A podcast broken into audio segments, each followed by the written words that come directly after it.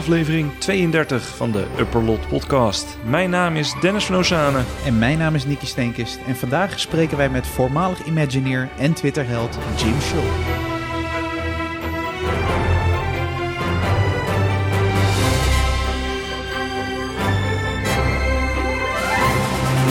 Hey Dennis. Hey Nicky. Uh, nou, het staat al in de titel en we hebben het, al in de intro benoemd. Het staat al in de intro. Uh, we hebben vandaag een hele speciale gast.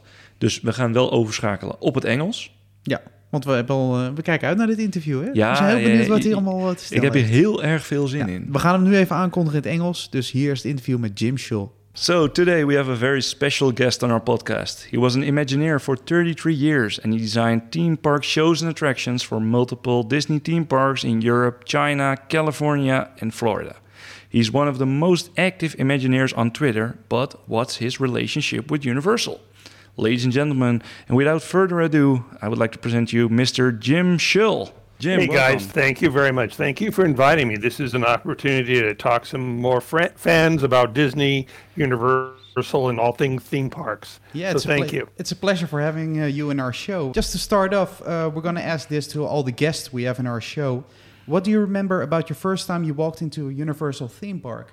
Oh, the very first thing. Well, Universal Studios Hollywood is my actually my local theme park. I'm it's probably about 35 minutes from my home by car and um, I remember going there as a young child with my family because, again, it was a studio theme park. Back then, in when dinosaurs walked the earth, they didn't have many rides. It was really a theme park studio tour. And I was just blown away because they had explanations of how they made movies, and you could see actors, you could see movie sets, television sets. Uh, it was a truly large, real, active studio, which was unique because the other studios in Southern California, such as Warner's, Disney, Paramount, you really could not go onto this onto the set or onto the studio lot. But Universal is unique in that way. So it was a very special memory. Yeah, because you started off with your career, if you go back in time to 1978, you started at Marvel Studios. What did you do over there? Uh, well, actually, before theme parks, although I was always interested in theme parks, before theme parks, I was an animator, and I did animation for feature-length animated films, such as Transformers and GI Joe. I did a lot of work for different animation studios for television, such as Hasbro, Marvel Studios, Filmation, Hanna Barbera, Ruby Spears, Deke, and countless others. Yeah, because I, I looked up on your, uh, your, your profile on IMDb, and I also saw Ghostbusters, which and is He-Man. Is, yeah, He-Man. uh, Ghostbusters, one of the, the franchises which ended up also having a, a show at Universal, always being linked uh, with the Universal theme parks. So that's that's very interesting. But then you started at Marvel Studios. Was it at the the, the comic side of of Marvel or the animation side of Marvel? Uh, a little of both, actually, because I've always wanted to draw comic books. I didn't have much success at that, but I had more success in the studio side. So Marvel Productions was located here in the San Fernando Valley in California, next to the airport, and uh, they had the contract to do all the Marvel television shows that you would see uh, and they had countless shows. And I went and worked, and I worked in animation, and then graduated doing pre-production design, and then storyboard, and finally, I was an animation director doing storyboards. And after that career, how did you pass on into the theme park industry? Well, like a lot of things, I grew up with, you know, friends who were fans of popular culture, such as comic books, theme parks, movies, television programs and so over the years, over the decades, people would go and get jobs in other locations. And so one day, I got a phone call from a very good friend who I've known for a very several decades.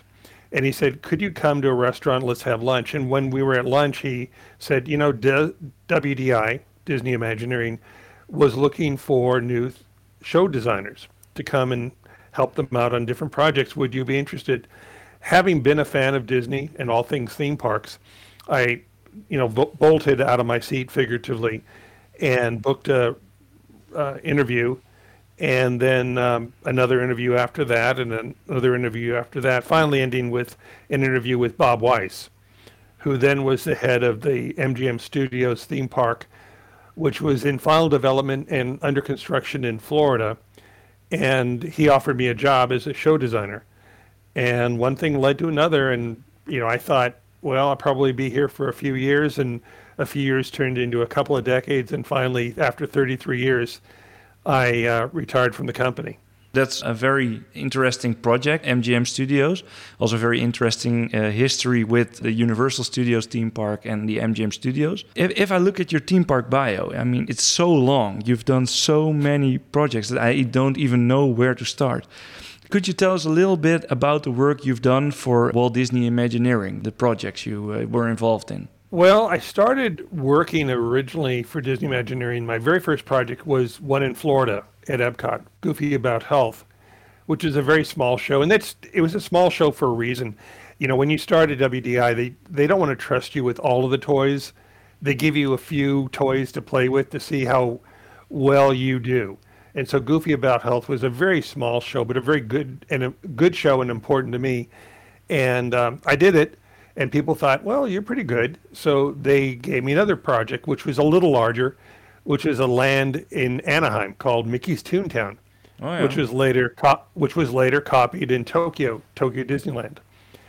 And I finished that and then thought, well, gee, this is probably like animation. I'll be on the street now because I've got no work. And uh, literally the next day, Tony Baxter came to my office and said, I understand you're available. How would you like to work in Paris? And uh, so again, I you know figuratively bolted out of my seat and said, you know, where do I sign up? and so the, for the next five years, I worked on the additional capacity program at Disneyland Paris, which consisted of five rides. Uh, four of them were built, one of them was not. But uh, I worked on four new rides for Disneyland Paris because remember, when it opened, it was extremely popular and they just did not have enough for guests to do. So the answer to that was uh, for me to work, and I spent the next five years in France, off and on, uh, working on these five, these four projects. Yeah, because if you look at Paris, you're also been well known for the design of the Rock and Roller Coaster you did in Florida, but also the Paris version. And uh, there's a funny story about the connection between a coat hanger and a rock and roller coaster. Can you explain it? Oh, yeah. Well, you know, people who know me w- know I wear glasses. And one thing that bugs me about roller coasters are anyone who says, well, you have to take your glasses off. So we started, well, I started with a ride engineer. Uh, and the two of us took literally coat hangers to bend it into the track geometry that we thought would be fun and then he was my sanity who would look at the wire geometries and say, yeah, you could wear your glasses. It's not going to be too rough. It's not going to be too violent. It'll be fun, but smooth. And once we had that, we took the literally took the wire coat hanger and took it to meetings and said, we want something like this. and of course, there's a lot of reality that goes into it and a lot of, you know, countless hours of expert technical opinions from ride engineers, both inside Disney and finally Vekoma, who Vekoma Country Company there in Vlodrop. They're the ones who built uh, the original rock and roller coaster and the one in Paris. Uh, so worked a lot with them living in Vlodrop and a lot of visitation to them in Vlodrop.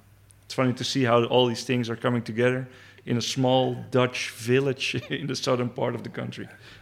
Yeah, it, it's amazing. I'll, I'll, tell you just a little sidebar story in Vekoma was they are craftsmen there in Vlodrop, and so when you step onto the factory floor, they'll have the entire floor, which is consisted of a brick floor, and when they go to do the bends on the track, they will take plumb bobs string with a weight, and that will of course be vertical to the ground uh, because of gravity, and then they mark the bricks with chalk and then they lay the bent steel across the chalk, and then they take it to their machine to run it through to do a turn.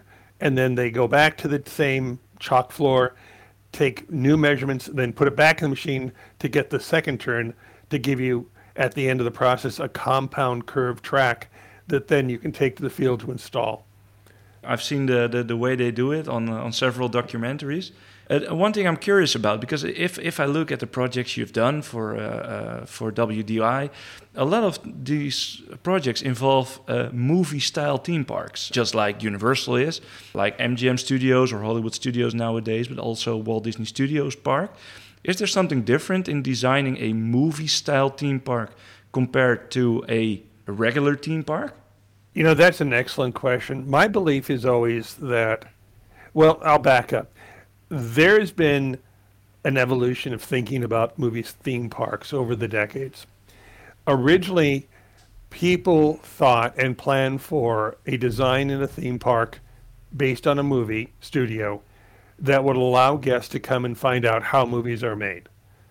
Now, today, we've drawn or moved away from that because the now the thinking is, well, if you want to know how movies are made, you have access to DVDs with making of videos. You can go to YouTube, you can go to Reddit, you can go to other social media sources to find out how that's done. So the focus now starts to become more about how movies not are made, but how you as a guest can ride the movies, stealing shamelessly from the classic Universal Steven Spielberg quote. See the so stars it, ride the movies. Yeah. Yeah, see the stars ride the movies. So we really don't talk about how movies are made. Now, I happen to believe that the environments where movies are made still hold resonance to guests because old movie lots are historic. They are interesting. They are kinetic. They are ever changing. Um, and that's an interesting location. If you go to old Hollywood, whether you see it at Universal or at, at Disney in Florida, old Hollywood, you and I can never visit that because it's been bulldozed, it's been demoed, but it can exist in a theme park. And again, it's interesting the way that, oh, I don't know, Main Street USA at Disneyland is interesting because I can't go back 100 years in time, but I can go to representation at a theme park. And so that has value to guests, in my opinion. It transports you to a, a, time and place that once was, and you can relive that again. I think that's the same appeal that, uh, for instance, Frontierland has, especially for us Europeans, to be transported into a uh, an era we don't know, but we've seen so many things about. Well, and that's an interesting point you make because Frontierland, in my opinion, in Disneyland Paris, is the finest of the Frontierlands. And for whatever reason, Europeans really love that era because it's not a place you can go to. Again, another funny Vekoma story. Vekoma would come out to California, Glendale. And if you know Glendale, it's in Southern California. And inevitably, on Friday afternoon, the team would say on their first weekend in California, Hey, we want to go someplace. Great, I would say. And they'd say, Well, we want to go to the Grand Canyon because we've heard about the Grand Canyon. It's fabulous. Can we go there? Yes, you can, but it's a 12-hour drive. Yeah, it's quite far away. so, I mean, it's the European, uh, you know, attitude of, oh, well, it must be close because, you know, everything in Europe is close, therefore everything in America must be close. And you find out, no, not the case. But Europeans seem to love the classic American West because it's very different from what you find in Europe. In the same way that Americans shamelessly, you know, go to Europe and they do the checklist. They go to Paris, they go to Amsterdam, they go to London, because we don't in America have anything like that. When you go and you know go someplace unique, you want to see unique things. Yeah, if we go back to uh, the time you started for MGM Studios development in Florida, what was at at that time the battle between Universal and Disney? How did you experience that from that from from the mouse uh, point of view? Well, I guess I was in a bubble because I really didn't experience anything. I, I found out there was conflict or controversy, you know, decade a decade later.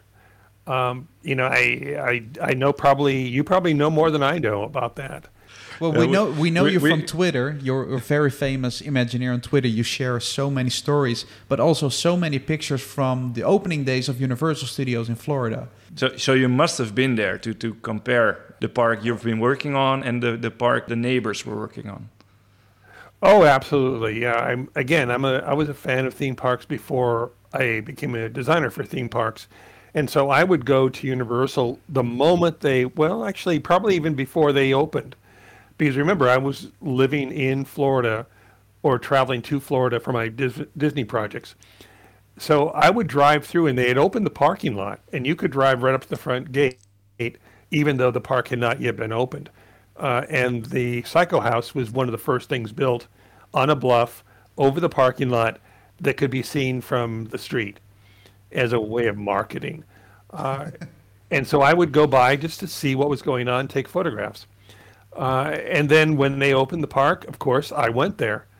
And I remember going there and walking through the park, and the park employees apologized because, as you've read, so many of the rides were either not operational or very, very semi-functional. Yeah, we talked about that a, a, lot of our in our show about several rides. We talked about Kongfrontation, we talked about Jaws, and several other rides. So yeah, we know that the park had a very problematic start. Yeah. Yeah. So we, you know, I went there and it was, it was, it was. I had a great time. I mean, it was a new park. It had all the f- problems of a new park, but what I saw out of it, I loved. And at the end of the day, they, as you exit, they handed me a free "Please come back" ticket. uh, which I, you know, I, I used it and came back and continued to enjoy that studio park very much. If you if we look at uh, what we said earlier, eh, if you, and, at this moment, the movie style theme parks are all about uh, see the stars, ride the movies. Do you think that Universal Studios Florida was ahead of its time because uh, a lot of the rides like Earthquake, Kongfrontation, Jaws were basically where you could ride the movies. You you you were not shown a backstage tour or something. You were really inside of the action. You know, let me back up. I think that one thing that Universal did was they took a movie property and they made it clear to guests that they were about to experience in ride form the movie property. Now, Disney did that in 1959 because most guests don't know the Matterhorn was based on a movie called Three Men Three Men on a Mountain. It was a movie before it was a theme park ride. but the difference is in Disneyland, they had the major set piece from the movie, which is the Matterhorn, there in the park.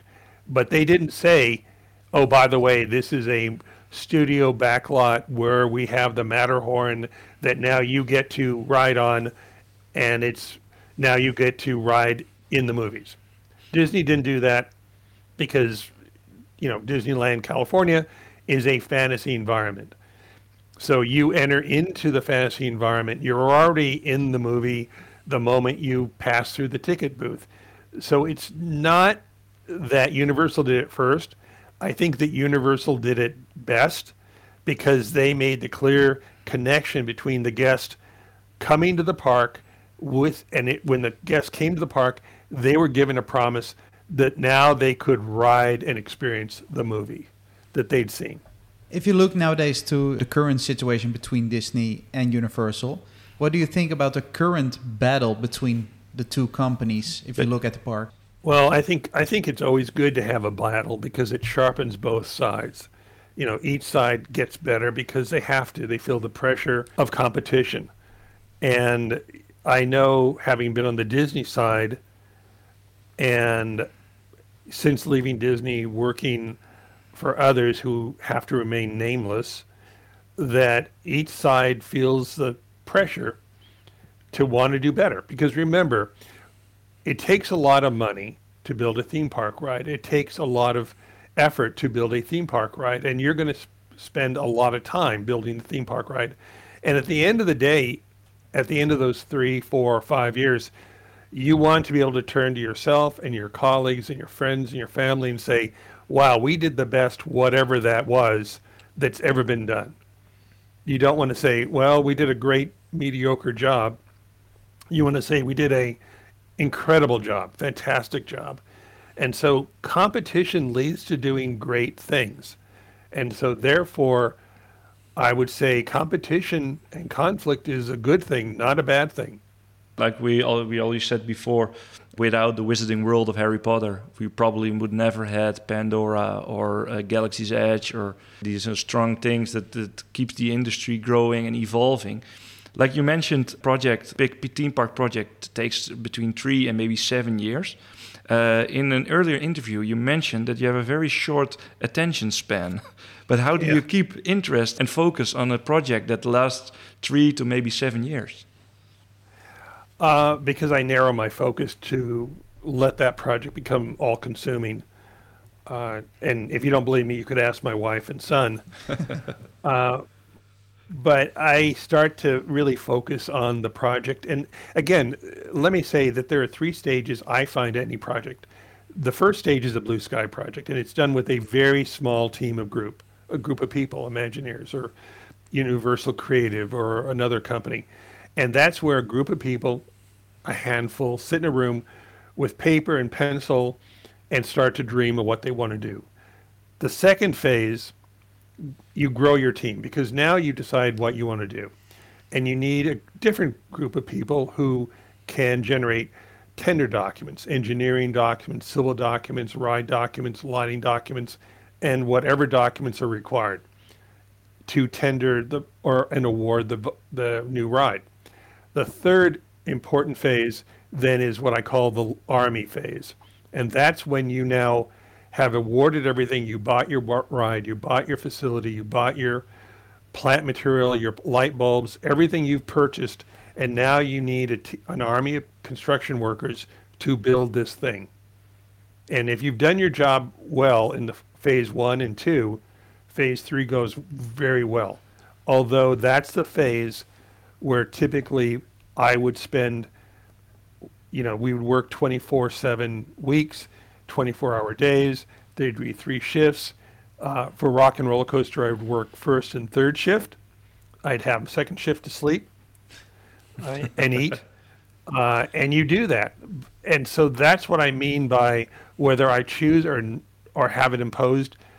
My, I keep my attention span focused because the work forces me to be focused.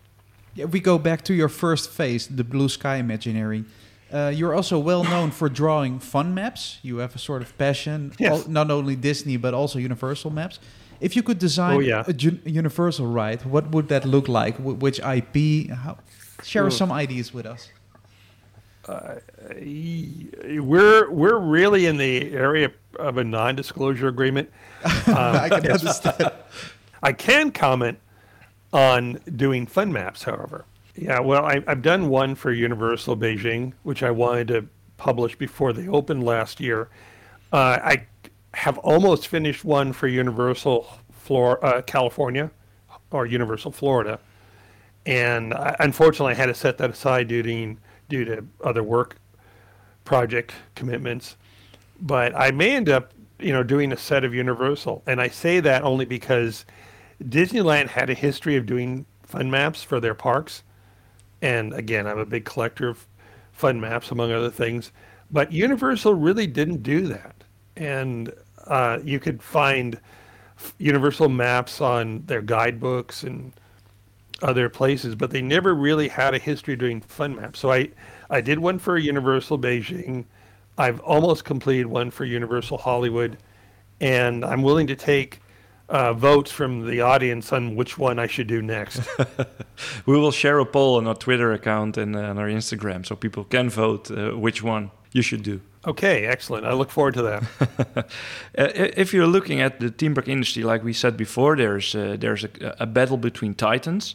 Uh, but the great thing about that is that it also challenges other parties to step up their game. If if you look, for instance, at the uh, developments in the theme park industry outside of Disney and Universal, and, and mainly to European players like Efteling, Europa Park, PortAventura, and Phantasialand. Uh, how are you looking at the developments of these kind of parks? Is there anything you, you learned from that or? Well, you know, I'm always learning, but to answer your question briefly, due to COVID, there was a lot of shutdown and delay on projects at Disney. But what shocked me and surprised and pleased me is that the other participants in the theme park industry, the ones you mentioned, and I would also add to that the ones in China, such as Chimelong, Happy Valley, uh, and others, Uh, these companies are continuing to grow. And the reason they continue to grow is they have faith in the entertainment industry, the themed entertainment industry. Because, you know, I believe in my bones that people want to be entertained and they want to go to pleasure parks. They want to see follies. That has been historically documented for over 200 years I mean, originally roller coasters started in Europe, uh, and now you have growth in China. Uh, you have growth in Universal with their amazing Epic Universe that is about to come out of the ground. And so these companies have voted, have given a vote of confidence that the theme park theme park industry is a growth industry because there is a market for that. So I think that you know things will get better. Uh, it won't look the same as when we before COVID, but I think that we will look back in probably three to five years and be amazed by you know some incredible developments uh, by the people you mentioned and the ones in China. Yeah, you recently quit your career at uh, Walt Disney Imagineering and you're now into the consulting business. Can you share some projects you're working on right now? Or is it all NDA? Oh, yeah, it's all NDA. I mean, it's it's interesting because um, I had an NDA at Disney, of course. When you join, you sign.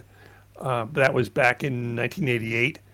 Uh, but the world has changed because the NDA at Disney was like like a half a page, and before social media, you know, it really didn't cover very much.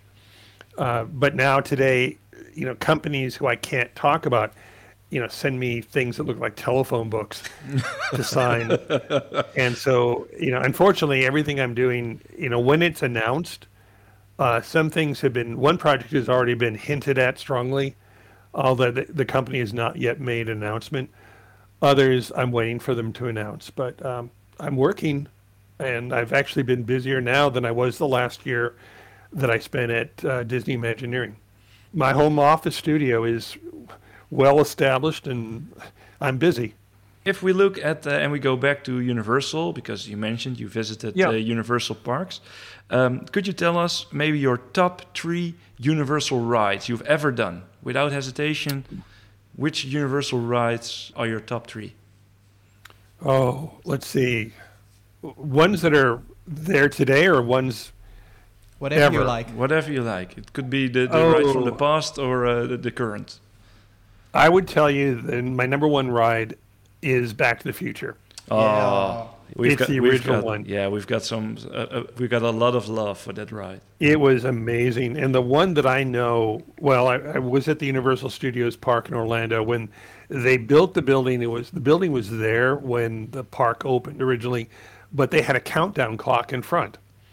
And uh, you know, I loved I loved that ride uh, because the way guests would it would subvert the normal way guests would load onto a ride. Typically, you have a long, continuous line for guests, and then they would be cut into individual groups to board the ride vehicle. Universal Back to the Future didn't do that. You had a continuous line, and then you were divided into the first pre-show room, the second pre-show room, and then finally eight people boarded onto the DeLorean for the ride, which amazing, amazing concept of how they used uh, and managed guest flow.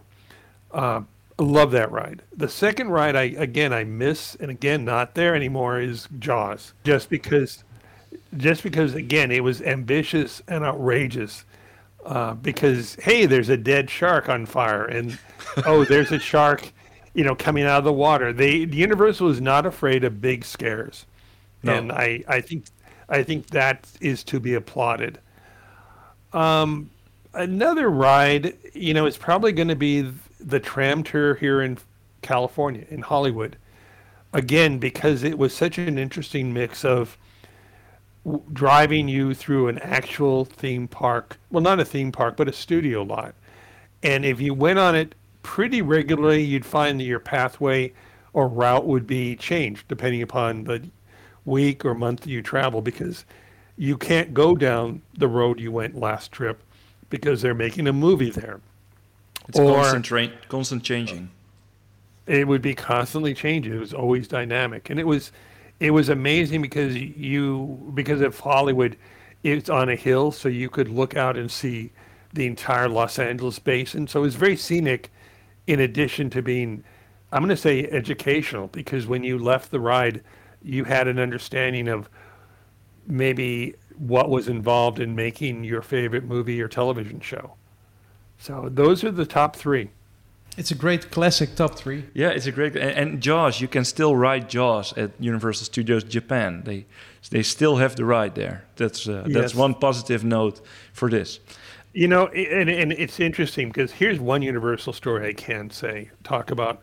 It's the one that got away. Um, when I was at Disney, Disney Imagineering, uh, Dave Burkhardt, who was the head of uh, Disney uh, Worldwide Global Standards, he went to work for Universal Osaka as the creative lead for that project. And he called me and said, I'm starting this project. I'd like you to join me. And so I was faced with this offer, and Disney heard about it, and there was back and fro um, counter offers, and finally I ended up staying at Universal. Well, having to tell Bob, uh, Dave Burkhardt, that I could not join him.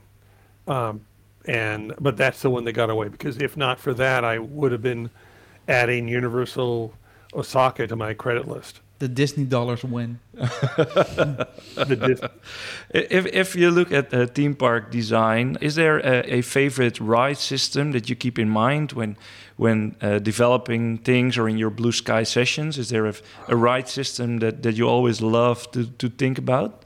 Well, usually, well, it's a three-part question answer. Um, I love roller coasters. I developed, I think, five coasters at Disney, uh, such as the old mill, well, no, the Casey Jr. powered coaster at Disneyland Paris, uh, Rock and Roller Coaster, Gadget's Go coaster, uh, Crush's coaster at Disneyland Paris again, and others. So I love roller coasters. Always looking for a way to do a roller coaster. Uh, the other ride system I love is whatever tells whatever serves the story that I want to tell the best. So, you know, if you want to tell a story, you may want to turn to an Omnimover story system. You may want to turn. I might want to turn to a free ride or trackless system. Uh, when I was working on developing Ratatouille for Disneyland Paris, the best way to tell that story was the trackless system you could have done others like an omnimover but the best the best tool in my toolbox was the free range trackless ride system so you know i have a personal preference toward roller coasters but at the end you know the ride system comes out of the story that i want to tell If we go almost to the end of this interview, I would like to know if there are people listening and want to do the same job as you had. What sort of advice could you give them? Well, first, be passionate. Really love what you're doing because what you're going to do is going to take everything out of you. Um, second, find what area that you really like. If you go to a ride, what is it the thing? What is the thing in a Disney or Universal ride that really attracts you? Is it the lighting? Is it the sound? Is it the structure? Is it the facility? Is it the ride system? Is it the movie? Well, then focus on becoming the expert in that area. And then make friends in the industry. Find people who are there. Attend shows. You have the advantage now of social media. So when you find a tweet or a post that you really like, you know, reach out to that person. Most of the time, they'll be very grateful to hear your input uh, and be polite. You know, don't be a flame. Don't start a, a flame war. Don't be a troll. You know, people who work on rides for three to five years, we have feelings too. So if you have a, you know, so if you have a criticism, that's fair, but don't don't don't make an assumption about why we do what we do, and please don't be mean. Uh, you know, you'll get a lot further in your chosen field if you're nice to us.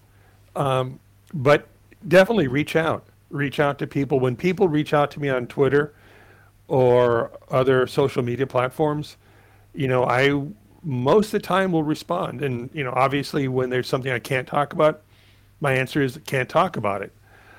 But I always enjoy hearing from, you know, fans of theme parks because again, uh, I was a fan of theme parks before I worked for a theme park company or work for a theme park company today. So I I was a fan first, guys. Just like yourself. yeah, we're big time fans, big time fans. Uh, one time, one thing I'm I'm curious about if if like you said, eh, sometimes you do things in your project that may go bad with the audience, or is there anything with the knowledge you have now that you would have changed to some of the projects you have done? Yeah, the, I would say I, I worked as a designer on New Tomorrowland at Disneyland, California, and you know I would have said to the project team leaders we didn't have enough money. We you weren't giving us enough money. You were raising expectations too high. Uh, it was being marketed to guests as a new Tomorrowland, and that carries with it expectations. So you want to match your budget investment target to your expectations. So that's my one regret is not that I did not say at the time, "Hey, we need more money for what you want us to do." Yeah, because um, uh, maybe some of our listeners don't know, but that project overhaul, if I'm correct, and correct me if I'm wrong, that was the the old Tomorrowland, the the the, the bright white uh, Space Mountain. It got like a a, a budget version of the Paris uh, um, Tomorrowland Discovery Land with a lot of bronzing on the on the buildings, the new uh, how do you call it, the new rocket rods Rocket uh, ride, uh, which replaced the very popular people mover system. Am, am I correct? Yeah, you absolutely are. Um, as you know from going there, Discoveryland in Paris is the Jules Verne version of the future, a possible future, the future that never was, but could have been. But those bronze tones that are applied in Paris are applied to metal, fiberglass, other smooth surfaces. Trying to apply those bronze tones to California, taking them to California means you're applying them to plaster, which are a porous material that doesn't doesn't mean that when you want that plaster to look like metal, it will. It just looks like dirty plaster. Yeah. So it's disappointing to look at that. The second thing was Disneyland in California really reflects a retro or googie or even a almost a uh, art modern sensitivity because it was designed and opened in 1955. It was designed in 1952 by designers who were born and were familiar and in school in the 1930s and 40s. So their viewpoint was really to do that, you know, the very googie future. And so again, you know, I'm a big proponent if they ever redo Tomorrowland in California, go back to the 1955 Tomorrowland and take it further to make it what it was because that era is like the Jules Verne, a classic possible future, not a future that happened, but a future that could have happened, and it still resonates with guests. So I know that's a little long-winded, and I put a plug in for a design, but you know there are reasons you should and should not do things. And in the case of California, you, the lesson learned was you can't paint earth tones on plaster and expect it to look like Paris. No. So if you if you, your advice is if you do something, don't do it cheap. Uh, do it good. Don't yeah, but exactly. But also that doesn't mean you have to have an endless park checkbook. Um, when I worked on Toon Studios for Disneyland Paris, uh, an estimator gave me the estimate. He said, "This is your target investment," and he said, "Well, these are two rides that you could buy with that target investment." And I turned to them and said, "Well, do you mean I have to buy those two rides, or do I have to stay within the target investment?" And his answer was, "No, just stay within the target investment. I don't care what you build, just don't go over budget." Um, and so delivered, you know, the Cars ride and Crush's Coaster, and they stayed within the budget. So uh, my lesson or word of advice is, you don't have to have an infinite amount of money to deliver good design. You do need to know what it is that people expect you to deliver. You need to know what the schedule is. You need to know what the budget is. And then that's a box that you can work within. Or at least that's the box I work within. Yeah, because like uh, for instance, the uh, the Crush coaster I think is a good example of a very popular ride, but because of there's only one uh, uh, one track basically, the capacity is very low. Not not a lot of people can ride it. If you look back, would you say then they should have built two of the same version, or? Well, yes. Again, you know, there are lessons learned on all of these things. Let's go back to Universal's Back to the Future. You know, they do sacrifice capacity because they do divide guest groups from one large group to smaller groups for the first pre-show to finally eight in the pre-show before you board the vehicle, which means they have to monitor every room to make sure every room, when the doors open, the guests are primed to flow into the DeLorean ride vehicle. It would have been so much more efficient if you'd had one long line and then people individually boarded their DeLorean. That would have been more efficient more efficiency leads to greater capacity. However, you balance the storytelling requirements against your capacity ideal. And in that case, Universal opted to, you know, to tell this story in a better, more convincing and immersive way than be a, than be the most efficient that they could have been. Jim, thank you so much for joining us today. Where can our listeners connect with you online? Well, they can always find me on Twitter at Jim Shull. Uh, and then I'm about to start a little sidebar project where uh, I'm going to be starting a blog, or I've actually started a blog, uh, because there I know from Twitter and the reactions that there are some long form stories that I just can't tell on Twitter, and so I'm starting a blog, uh, which will be linked to my Twitter account, and I invite uh, readers to follow me over on the blog. Yeah, and a personal question. Uh, I would also like to see you on Instagram. Oh, uh, you know, I'd love to. I'm going to have to turn and get some information on how to do that. I I will teach you, you know, some. Someone, yeah, we will help okay. you. Okay, awesome, guys. I take that as a as a promise. Yeah, yeah, we will help you. It's no problem. And the next time we're in California, we will uh, we will drop by at your office for a coffee. Perfect. An espresso, a beer, a coffee, or tea, tea. Yeah, or or all or of tea. them. Or all of them. So, Nicky. Wat, ja, ik vond dit serieus wel een van de leukste uh, shows, een van de leukste gesprekken die we hebben gehad. Het leek bijna een Disney-podcast. Ja, ja, ja, misschien moet onze naam veranderen in U-Tales. Ja, nee, het was super gaaf om Jim te spreken natuurlijk. Hij heeft heel veel uh, betekend. En vooral voor de park waar wij zijn opgegroeid natuurlijk, Disneyland Parijs. Is toch een beetje wat bij mijn jeugd hoort. Ja, ja, ja, absoluut. maar ook als je ziet alle andere projecten waar hij aan heeft gewerkt. En toch wel leuk dat er ook toch wel wat, uh, wat Universal dingetjes in zaten. Ja, we konden hier en daar wel wat, uh, ja. wat nieuwe info krijgen. Ja, nee, en, ik vond het echt nogmaals super leuk. Ga hem ook volgen, iedereen, op Twitter. Jim Scholl. We zullen de link ook delen in onze show notes en natuurlijk op onze socials. Waar kunnen mensen onze socials eigenlijk vinden? Ja, onze socials kun je vinden op alle sociale kanalen. En die vind je allemaal op Upperlot Podcast. En of dat nou Facebook, Instagram, Twitter, YouTube Overal kun je ons vinden. We're everywhere. Ja, en heb je ook een vraag voor ons, dan kan het altijd ook gemaild worden naar info.upperlotpodcast.nl. Dennis, uh, ik uh, spreek jou weer snel voor een nieuwe show. Yes.